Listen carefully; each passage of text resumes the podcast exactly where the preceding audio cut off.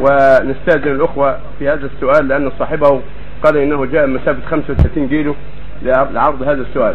امرأة تسأل وتقول بأنه يخرج منها شيء أبيض بعد الحيض ويستمر معها إلى الحيض الثاني أحيانا. وسؤالها هو عن خروج هذا الشيء بعد الوضوء مباشرة وأحيانا يخرج معها أثناء الصلاة فهل تعيد الوضوء وهل تقطع الصلاة إذا خرج من الصلاة وهل يجوز لها أن تجمع بين الصلاتين أم ماذا تفعل؟ هذا يقع من بعض النساء وخروج الماء الأبيض بعد الحيض يستمر مع بعض النساء هذا حكم حكم البول هذا حكم حكم البول.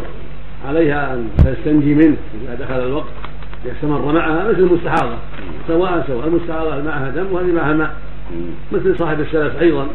هذا عليها إن تستعين بالله وتسرب بها العافية ولا منع أن تعالج على نفسها على بعض الطبيبات الطيبات لعلها تنفع. فالمقصود أن هذا وأمثاله حكم حكم السلف عليها أن تستنجي في دخل الوقت وتصلي ولا بأس أن تجمع بين الظهر والعصر والمغرب والعشاء لا بأس. وهذا حكم حكم البول ليس حكم حكم الحيض. فاذا أصابها هذا واستمر معها فلها عذر في أن تجمع بين الوقتين وأن لا تصلي ولا تفضل إلا إذا دخل الوقت. أما إذا كان لا يعرف بعض الأحيان الله بعض الأحيان ولا مو مستمر هذا مثل ما الله بعض الأحيان البول أو الريح.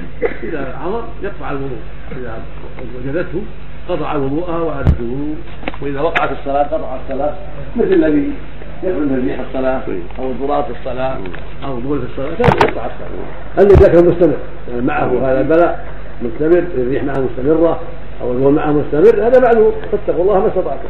يصلي على حسب حاله. ولو ان الماء يمشي يصلي على حسب حاله. ولكن حفظوا شيء من خطب أو غيره لعل يخفف عنه بعض الشيء. ولا يتوضأ إلا إذا دخل الوقت.